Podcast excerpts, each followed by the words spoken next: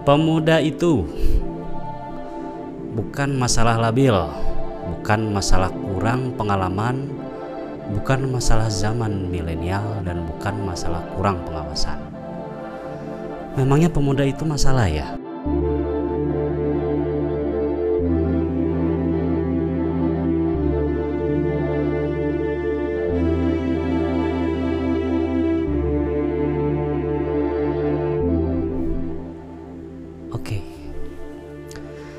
Konon, mereka berlabel milenial, tumbuh dengan pengetahuan bersama teknologi dan kata ideal. Jangan salahkan zaman dan keadaan yang dipandang kebanyakan orang sudah keterlaluan. Tidak ada yang salah dengan zaman. Mereka sama seperti orang tua dahulu yang butuh bimbingan dan pendampingan.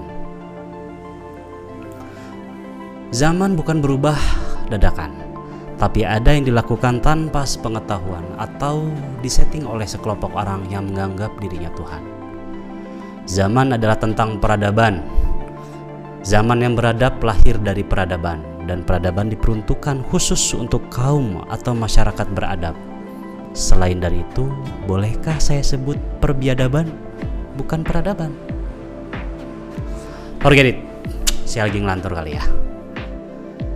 Pemuda, oh pemuda. Konon sebagian mereka semakin terdepan dan merasa lebih tahu dan berketerampilan. Konon, sebagian mereka juga dipandang lebih tenang dan terpandang pola pikir, pola sikap, dan pola tindaknya sinkron bahkan melebihi jangkauan para pejuang. Konon pula, sebagian mereka bimbang dengan apa yang terjadi sekarang. Dilihatnya dunia tak seindah dalam kandungan. Ingin rasanya mereka kembali lagi dalam wujud ruh dan bersaksi lagi di hadapan Robnya dan mempertanyakan, apa itu keadilan? Dan yang paling konon, Sebagian mereka sudah tak ingin tahu apa itu kehidupan yang penuh tuntunan dari pedoman. Mereka menganggap hidup tentang uang, buang, dan perang. Tak ada itu, mereka meradang dan mencoba lepas dari kungkungan, lepas dari robnya, dan terus melepaskan diri hingga bertumpu pada titik yang dinamakan kebebasan yang kebablasan. Mungkin saya salah, mungkin saya benar, tapi ini hanya persepsi jangan diambil hati. Jika tak sudi, maka silakan menepi. Ini hanya ucapan orang gagal yang tak mau gagal menjadi hantu. Izinkan saya sok bijak. Entah ada dengar atau tidak. Sungguh kamu yang bernama orang tua, termasuk saya. Mereka tahu kamu selalu berdoa. Tapi itu belum cukup bagi mereka. Mereka belum kenal apa itu uswah karena mereka tak berada di dalam wadah. Tampung apa yang jadi keluh kesah dari hati mereka yang sering gundah, tapi tak tahu di mana arah yang sah. Mereka bukan kalian yang berhasil melewatinya. Mereka masih merangkak, berjalan, dan berlari. Mereka juga seakan membangun rumah di gang, komplek, gedung, bahkan juga mereka bisa membangun surau. Mereka butuh kalian sebagai pendamping pembimbing, dan apa yang orang berilmu sebut parenting. Jika tidak, bangunan itu tak akan pernah berdiri, dan jikalaupun benar, berdiri sepertinya itu hanyalah halusinasi. Dan oh pemuda, termasuk saya. Jika bukan kalian, siapa lagi yang akan berdiri di suatu hari nanti? Jika di depan nanti kalian terus merangkak, maka generasi kita hanya menjadi turunan kecoa Generasi Alpha itu hanya akan menjadi generasi gila tahta, namun tak bermental juara yang bersahaja.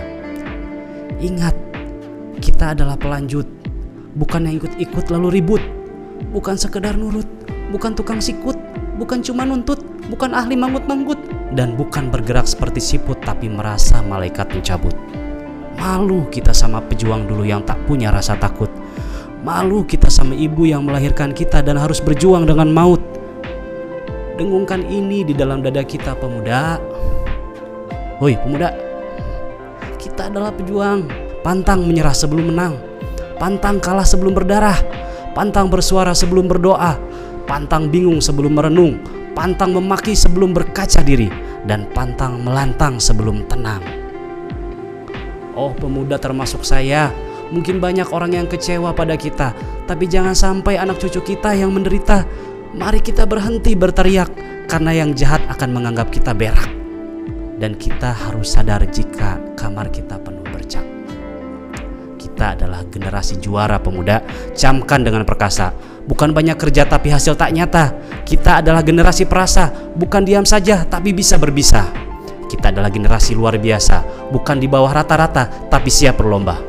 Kita adalah generasi metamorfosa, bukan tumbuh dewasa saja tapi berkontribusi hanya untuk mengharap ridho ta'ala saja. Dan kita adalah generasi Indonesia yang harusnya bertakwa, yang sewajib dengan sewajib-wajibnya harus ibadah dan menengadahkan kepala tapi bukan untuk membusungkan dada. Hamba yang harus menegakkan tata kerama bukan sebagai budaya tapi sebagai hal yang memang seharusnya sehingga menembus ruang dan waktu. Karena yang anak cucu kita butuhkan bukan sekedar harta, tahta, dan wanita, tapi juga menjadikannya sebagai pejuang berakhlak mulia, sebagai jalan menuju surga. Katakan pemuda Indonesia, kami tidak takut pada mereka yang haus kuasa, karena kami punya yang maha kuasa. Kami tidak takut pada miskin, karena kami punya yang maha kaya. Kami tidak takut diinjak-injak hingga dibuat seolah-olah bejat, karena kami punya yang maha membolak-balikan derajat. Kami hanya takut pada Dia yang Maha dari segala Maha, karena kami hanyalah hamba bangsa Indonesia yang ingin bertakwa. Teguhkanlah itu di hati kita, pemuda. Jika tak bisa, maka terserah Anda. Setidaknya saya sudah berbicara, walaupun hanya orang gagal yang biasa saja. Sekian saja. Terima kasih.